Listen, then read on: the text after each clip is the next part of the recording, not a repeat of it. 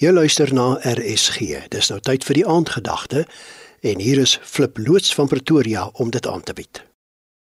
Goeienaand. Ek weet nie of jy een van diegene is wat heeltyd op die uitkyk is vir nuwe modes nie. Nee, ek probeer nie om jou hieroor sleg te laat voel nie. Ons mos niks verkeerd om mooi en nuut aan te trek nie, veral as jy geld daarvoor het. Maar wanneer ek dan hier in Romeine 12 vers 1 lees, gee julleself aan God as lewende en heilige offers wat vir hom aanneemlik is, julle moenie aan hierdie sondige wêreld gelyk word nie, dan is dit alles of ek vir Paulus hier aan die Christene in Romeine hoor vra, is julle in die mode, julle wat daar in Rome bly? Dalk sou die mense van Rome hulle kop skud en antwoord: "Wat vir 'n vraag is dit, Paulus? Natuurlik is ons in die mode. Hier in Rome is daar gereeld die nuutste en mooiste klere in die wêreld vir ons om te koop. Ja, wat? Ons is in die mode."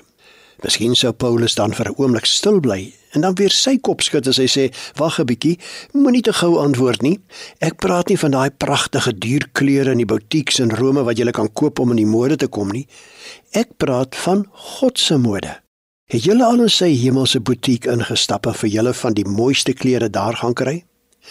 Want wanneer Paulus in Romeine 12 vers 3 skryf, moenie aan die sondige wêreld gelyk word nie, gebruik hy woorde wat letterlik kan beteken moenie die klere aantrek uit die wêreld se klerekas nie. Nee, hy praat nie hier van regte klere wat oor 'n reëling in die winkel hang nie, maar oor geestelike klere wat ek binne in my lewe aantrek. Die wêreldse klerekas beteken eintlik niks anders soos Paulus hier daarna verwys as die sondige wêreld nie. En jy weet mos dat die woord sonde letterlik beteken om jou doel te mis, om dit wat reguit is krom te trek en om sonder God se wil te lewe en te praat en te doen. Om al hierdie dinge te doen is soos om die verkeerde klere na 'n formele partytjie aan te trek. Jy staan soos 'n seer duim uit.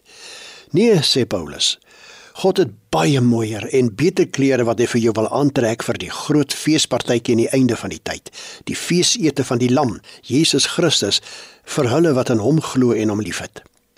Jy kan van hierdie feesklere lees in Openbaring 3 verse 4 en 5. Elkeen wat die oorwinning behaal, sal wit klere dra en hulle sal altyd in wit klere by my wees omdat hulle dit waardig is. Wit hier beteken om rein en skoon voor God te leef.